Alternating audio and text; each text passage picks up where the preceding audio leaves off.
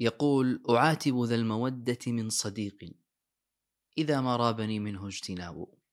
إذا ذهب العتاب فليس ود ويبقى الود ما بقي العتاب. اليوم العتاب تغير صار مفهوم العتاب ما عاد العتاب أصلا من أصول المحبة سواء بين الصديق وصديقه بين الرجل وزوجته بين الأستاذ وتلميذه في علاقات الناس يعني سمي ما شئت. إذا أحد عاتبك قالوا يدور الزلة ترى عليك. فتغير مفهوم العتاب أظنه في أعين الناس.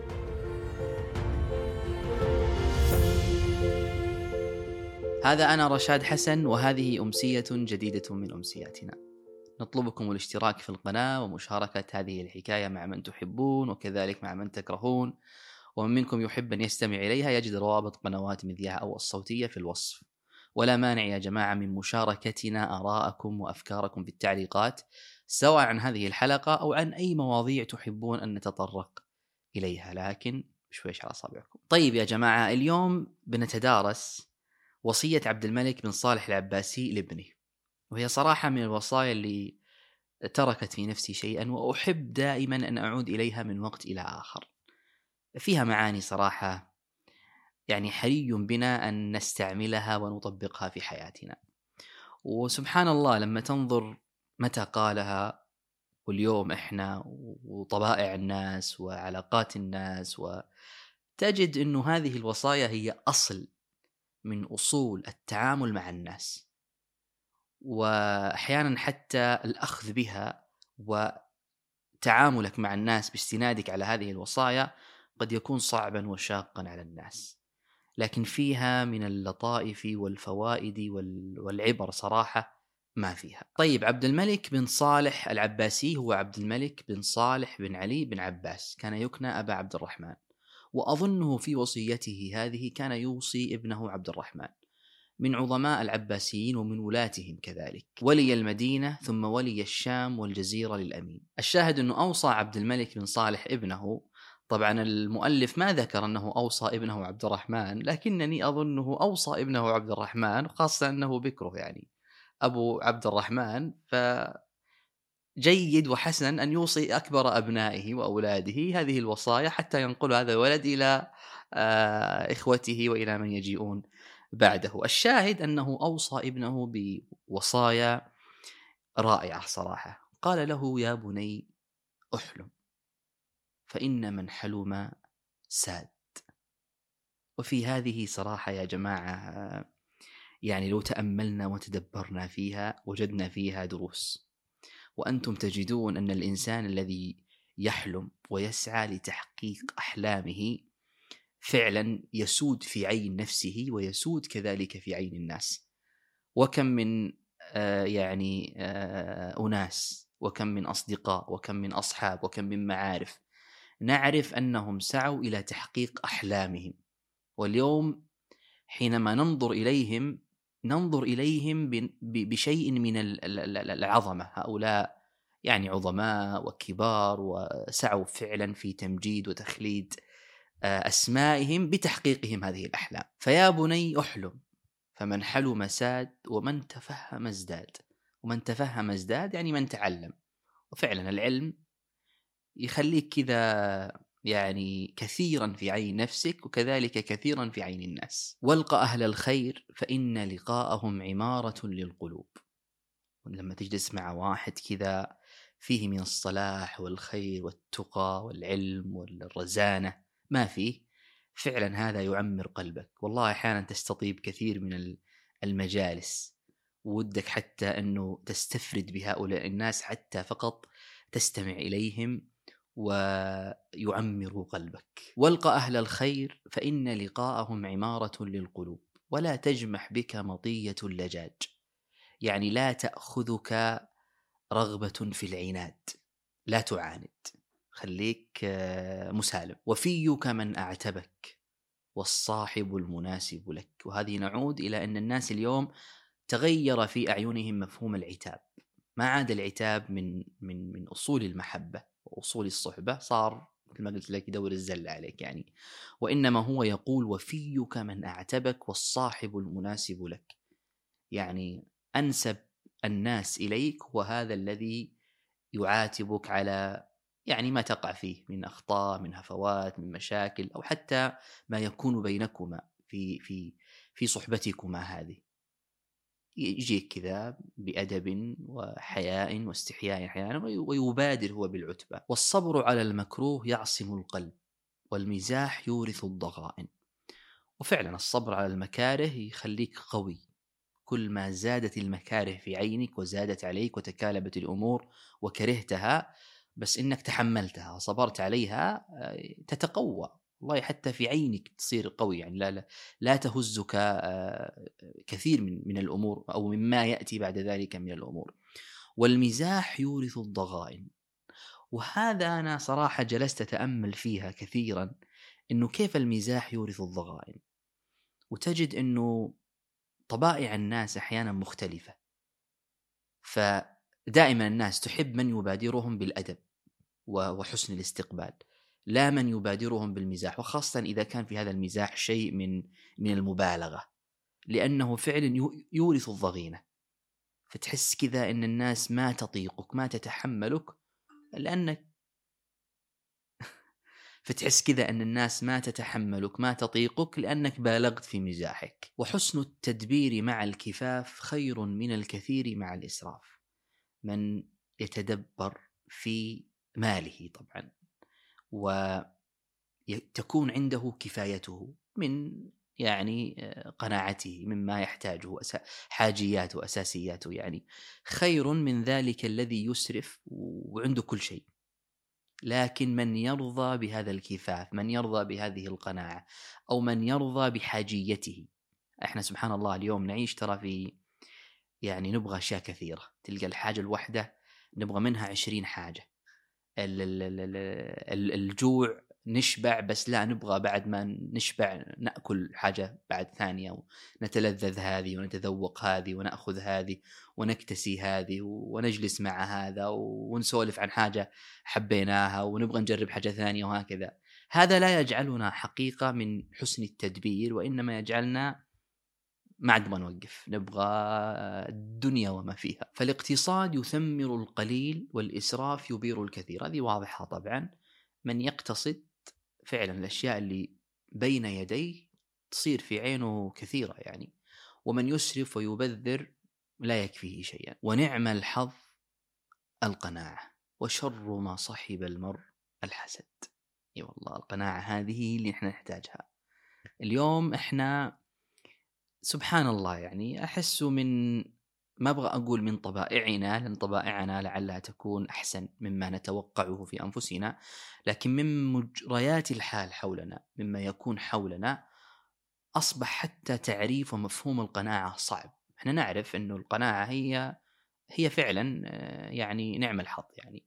ومن يستطيع أن يقنع ويقتنع بما معه هذا هو الغني هذا هو الثري هذا هو مستقر البال مستقر النفس هانئ مرتاح مطمئن لأنه قنع بما في يديه. فدائما حتى أنا أدعي اللهم قنعني بما معي وبما يكون في يدي. وشر ما صحب المرء الحسد الحسد هذا من يعني أشد مصيبة أو أشر مصيبة يبتلى بها الإنسان الحسد. ذاك ما يقول لله در الحسد ما أعدله بدأ بصاحبه فقتله. وهو فعلا يعني الحسد يقتلك أنت. ترى لا يقتل الناس قد تحسد جميع الناس وما منهم أحد يحس بك. لكنك أنت تحس بنفسك وتقتل نفسك وتهلكها وتفسدها لأنك حسدت الناس على ما أنعم الله به عليهم. فالحسد ترى مرض يعني لا علاج له. وما كل عورة تصان. بالله عليكم يا جماعة تأملوا معي في في ما يقوله. هنا يعني وما كل عورة تصان. فربما أبصر العمي رشده وأخطأ البصير قصده. الأعمى قد يصل إلى حاجته من غير أن يراها والبصير قد لا يصل إلى حاجته وإن رآها. واليأس خير من الطلب إلى الناس. أنا ما أعرف اليوم نقدر إحنا أصلا إذا أحسسنا بشيء من اليأس. أن لا نطلب الناس أن لا نكاشف الناس نفضفض إليهم. نقول لهم إنه إحنا كذا وإحنا كذا وإحنا كذا. أحس صعب صعب اليوم في حال هذه المجريات من حولنا أن لا نكاشف بما يكون في أنفسنا وقلوبنا من يأس. لذلك فعلا القوي هو من لا من يكتم يأسه في قلبه في صدره ولا يصارح الناس به. والعفة مع الحرفة خير من الغنى مع الفجور. يعني إذا أنت الله وفقك في حاجة وأحسنت استعمالها والأخذ بها وخلاص صرت فنان في هذه الحاجة وفي هذه الصنعة في هذه الحرفة فهو خير لك من أن تكون غنيا في شيء ليس من حرفتك أصلا. وتفاجر في هذا الغناء. فيحمد الله من تكون عنده هذه الحرفة التي عرف بها واشتغل بها وعلاقته مع حرفته هذه علاقة حلوة. أرفق في الطلب وأجمل في المكسب فإنه رب طلب قد جر إلى حرب. إذا طلبت لا تبالغ اطلب يسيرا. وإذا الله رزقك وأكسبك آه، تجمل. فإنه رب طلب قد جر إلى حرب قد جر إلى سلب. يعني أحيانا المكاسب هذه أو المطالب هذه التي تحصل عليها قد ينتهي بها المطاف إلى الحسد إلى أن الناس ينهبوك يعينوك يسلبوها حتى منك. فليس كل طالب بمنجح ولا كل ملح بمحتاج والمغبون من غبن نصيبه من الله. وأنتم لو تأملتم معي يا جماعة في ليس كل طالب بمنجح. إنه الإنسان إذا طلب وسعى إلى كثير من مو بالضرورة أنه يصل إليها بمنجح بواصل إليها. قد يطلب ويطلب ويطلب ولا يصل إليها. وحتى الإنسان إذا رضى نفسه بهذا ودرب نفسه ومرن نفسه على أنه في أشياء كثيرة قد يسعى إليها ولا يصل إليها يرتاح لكنه لا يتقاعس. يعني يحاول أنه يسعى إليها. ولا كل ملح بمحتاج. وفعلا هذا سبحان الله حتى في أنفسنا والله. أنك تجد أنك تبغى حاجة وتلح عليها وتبغاها. ما تحس إنك ما تقدر تروح تنام اليوم إلا وإنت لازم الحاجة ذي تكون معك. تروح تنام معك. وأنت لو تأملت في حالك وجدت إنه أنت ما أنت محتاج إليها. لكنك كذا في شيء كذا من جوا يحركك إلا تحصل عليها. عاتب من رجوت عتباه وفاكه من أمنت بلواه.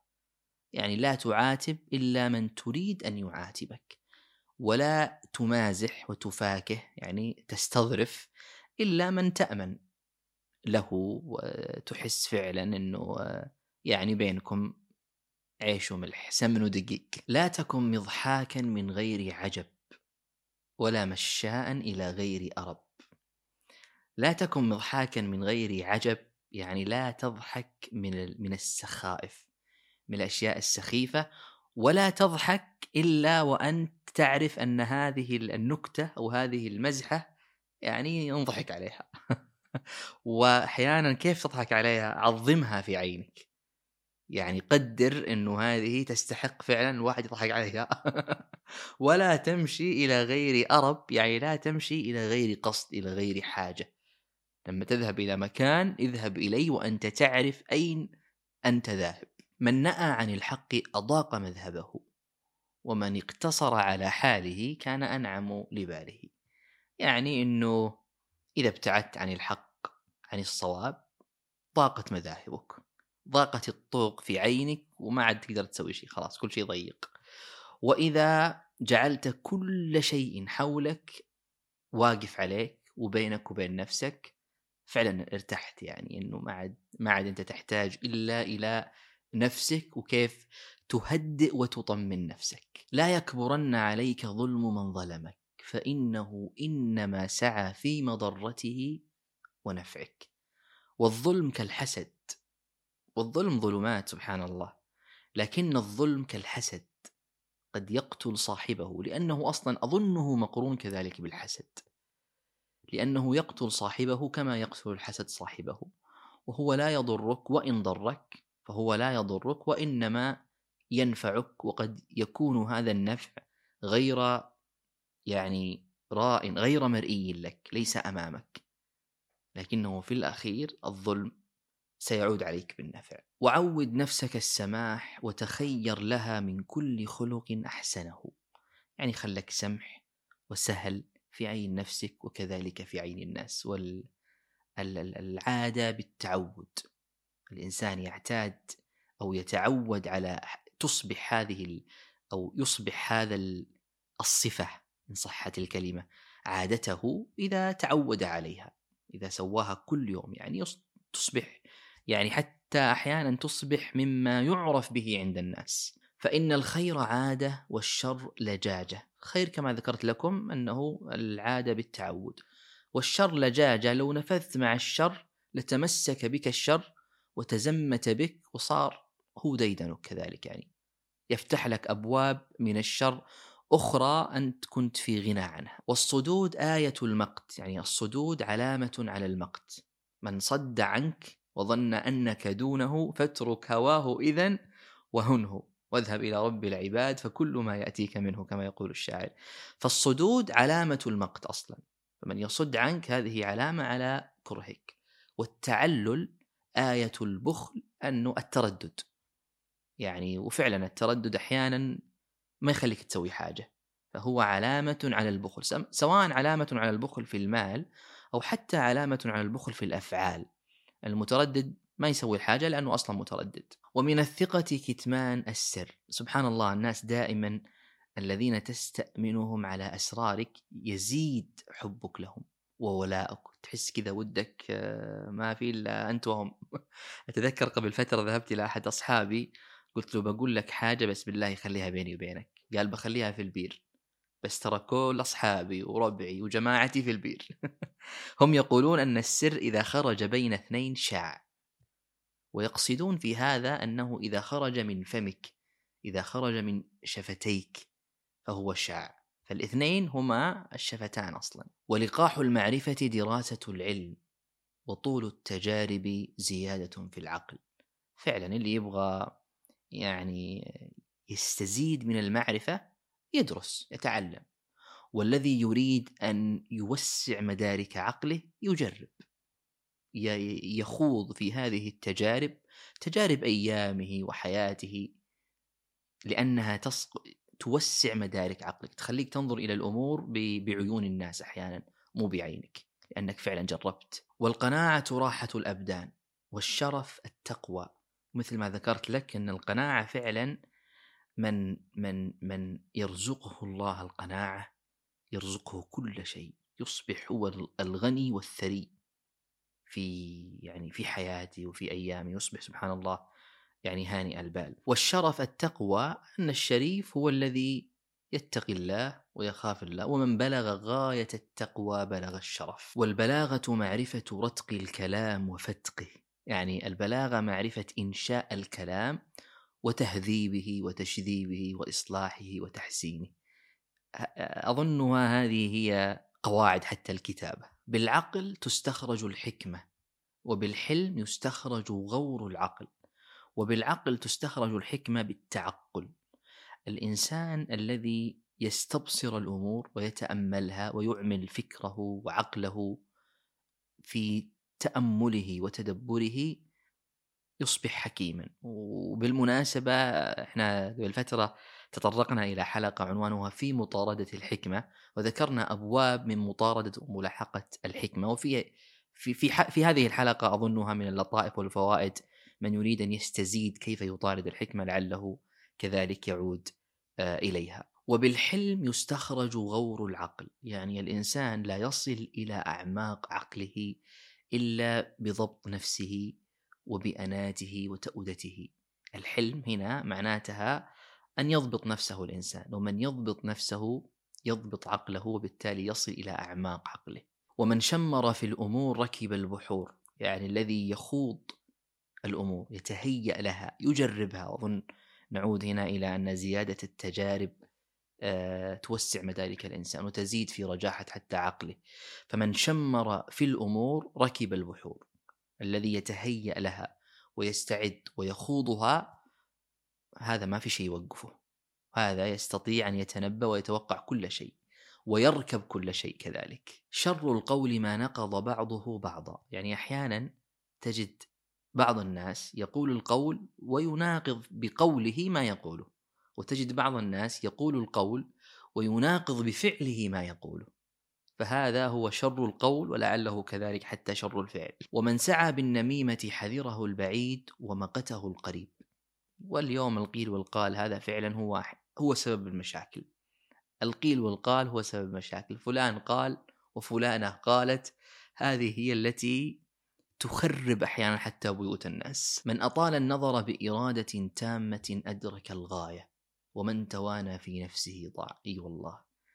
الذي يعمل فكره كما ذكرت لكم ويتأمل ويستبصر في الأمور يصل إلى الغاية مع ضرورة أن يشمر في الأمور يستعد لها يتهيأ لها يدرك هذه الغاية. والذي يتوانى في نفسه لا يضيع لا يصلها.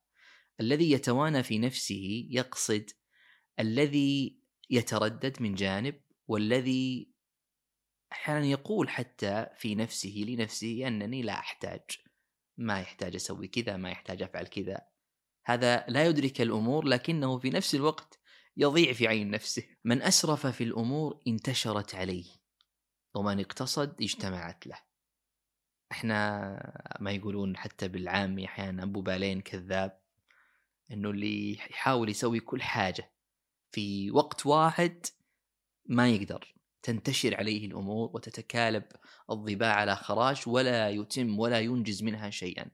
أما الذي يقتصد في أموره ويرتبها هذا ينجز كل الأمور يخلص لك كل حاجة وحتى أحيانا تستغرب كيف أتم هذه الأمور واللجاجة تورث الضياع للأمور آه، اختلاط الأمور آه، مكالبة الأمور على بعضها تجعل هذه الأمور المتكالبة ضاعت من من يديك وضاعت منك وما عاد سويت ولا حاجة. غب الأدب أحمد من ابتدائي، أظنه يقصد بالأدب في هذا السياق المطالعة. وغب معناها آخر الأمر، التأني في الأمر يعني. فكأنه يقول أن التأني في المطالعة، التأني في الأمور دائما أحسن وأحمد من ابتدائها من مبادرتها ويقصد أن الإنسان الذي يبادر في الأمور ابتداء بعلمه المبتدئ في الأمور هذا لا يكون كمن يعني آه، يرسخ قواعده في في هذه المطالعة أو في هذا التعلم أو في هذا العلم. مبادرة الفهم تورث النسيان وسوء الاستماع يورث العي. هذه سبحان الله لو تأملتم فيها يا جماعة لوجدتم أنها فيها من الصدق ما فيها من الصدق. مبادرة الفهم تورث النسيان. أحيانا إذا صار بينك وبين صاحبك حاجة وبادرت إليه حتى تفهم إيش اللي صاير يزول ما في قلبك خاصة بعد أن تفهم. خلاص تحس أنك مرتاح وأن الأمور آه، ضبطت بينكم. وسوء الاستماع يورث العي. يعني اللي ما يسمع لك زين لا ينصت إليك. هذا يكون فيه نوع من العي أصلا ما يفهم عليك. فمن لا يستمع إليك لن يفهم عليك فبالتالي تصير لا تنتهي المشاكل بينكما. ويشرحها حتى هو يقول لا تحدث من لا يقبل بوجهه عليك ولا تنصت من لا ينمي بحديثه إليك. يعني اللي ما يعطيك وجهه وتركيزه ويعني يأتي إليك بكليته وجمعيته وأنت تحدثه هذا لا تحدثه. والذي كذلك لا يأتي إليك بكليته وجمعيته ويحدثك. لما يجي يحدثك أصلا هو سارح مو معك. هذا لا تصغي إلى حديثه. البلادة للرجل هجنة. الغباء عيب في الرجل. وصمة عار أحيانا. أن يكون الرجل احمقا مغفلا غبيا. بل ربما عيب وعير ومثل هذا الغباء به وأصبح يعني معلقا في رقبته. قل مالك إلا استأثر وقل عاجز إلا تأخر. يعني ما من مالك إلا يستأثر. المالك للأمور دائما يستأثر بها يحب كذا أن يصطفيها لنفسه. وما من عاجز إلا تأخر. والعاجز دائما دائما يكون متأخرا في كل أمر وفي كل باب. الإحجام عن الأمور يورث العجز والإقدام عليها يورث اجتلاب الحظ. أنا أتذكر قبل فترة حدثني أحد أصحابي ينصحني حقيقة. يقول لي إذا غامرت إذا غامرت في شرف مروم فلا تقنع بما دون النجوم فطعم الموت في أمر حقير كطعم الموت في أمر عظيمي طبعا هو ما قال كذا لأن هذا قول الشاعر وليس قول صاحبي. لكن لكنه قال لي إذا غامرت إذا ابتدأت في الأمر. وشمرت في الأمر كما يقول الرجل لابنه وشمرت في الأمر لا تعود لأنك إن عدت ستجد كثير من الناس منطلقين إلى هذا الأمر وسيطؤوك ويتجاوزوك. والله إنها أثرت بي هذه الكلمة. وفعلا صرت كلما بدأت بأمر استذكرت قول صاحبي هذا. وأحيانا والله إني لا أتردد يعني لشجاعة أحسها في نفسي من قوله. ففعلا الإحجام عن الأمور يورث العجز. ما تسوي شيء. والإقدام عليها يورث اجتلاب الحظ. يعني أنت اذهب وبادر وأقدم. والحظ قد يكون قد يكون في الطريق وقد يكون عند وصولك إلى هذا الأمر وقد يكون بعد إتمامك هذا الأمر أو قد يكون ربما بعد عودتك من هذا الأمر. لكنك أقرب إلى الحظ إذا بادرت إليه منك إلى عجزك وقعودك عن الذهاب إليه. سوء الطعمة يفسد العرض ويخلق الوجه ويمحق الدين. سوء الطعمة هنا الرزق. أن الإنسان إن كان رزقه سيئا فسدت حاله وأحواله ودينه وعرضه وأصبح حتى وجهه أمام الناس آه، كئيبا أسودا. الهيبة قرين الحرمان والجسارة قرين الظفر. وبالله يا جماعة تأملوا معي كيف ربط الهيبة بالحرمان والجسارة بالظفر. أنه لا تجعل الناس يهابوك لأن الهيبة فيها من الحرمان وإنما كن جسورا. خليهم يعرفوك أنك جسور فيك من الجسارة ما فيك من الجسارة.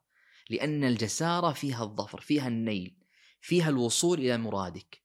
ولكن الهيبة قد تجعل الناس يبتعدون عنك وقد حتى لا تقودك إلى يكون فيها نوع من الحرمان لا تقودك إلى يعني ما, ما رميت إليه ما ذهبت إليه. وفيك من أنصفك وأخوك من عاتبك وشريكك من وفى لك وصفيك من آثرك. يا الله يا جماعة هذه صراحة حتى إلى اليوم عالقة في ذهني. وفيك من أنصفك يعني إذا أنصفك أحد من الناس فهذا وفي لك. وأخوك من عاتبك من يعاتبك من الناس هذا أخ لك. وشريكك من وفى لك لا يخونك لا يغشك. لكن صفيك من يؤثرك على نفسه من يقدمك. فإن كنت موجودا آثرك على نفسه هذا صفيك. والصفوة هنا أظنها أعلى منزلة ودرجات الصداقة. أعدى لاعتداء العقوق. ما شيء كالعقوق أظنه يضر بمتلقيه. واتباع الشهوة يورث الندامة وفوت الفرصة يورث الحسرة. من يتبع رغائبه وشهوات نفسه هذا يندم بعدها. ومن يفوت الفرص ولا يعني يقدم إلى الحظوظ هذا يتحسر بعد فواتها. أكرم نفسك عن كل دنية وإن ساقتك إلى الرغائب فإنك لا تجد بما تبذل من دينك ونفسك عوضا. ما شيء كالنفس والدين؟ يعني يستحق أن أن أن تقود بنفسك ودينك إلى هذه الرذائل إلى هذه المواضع يعني. فأكرم نفسك.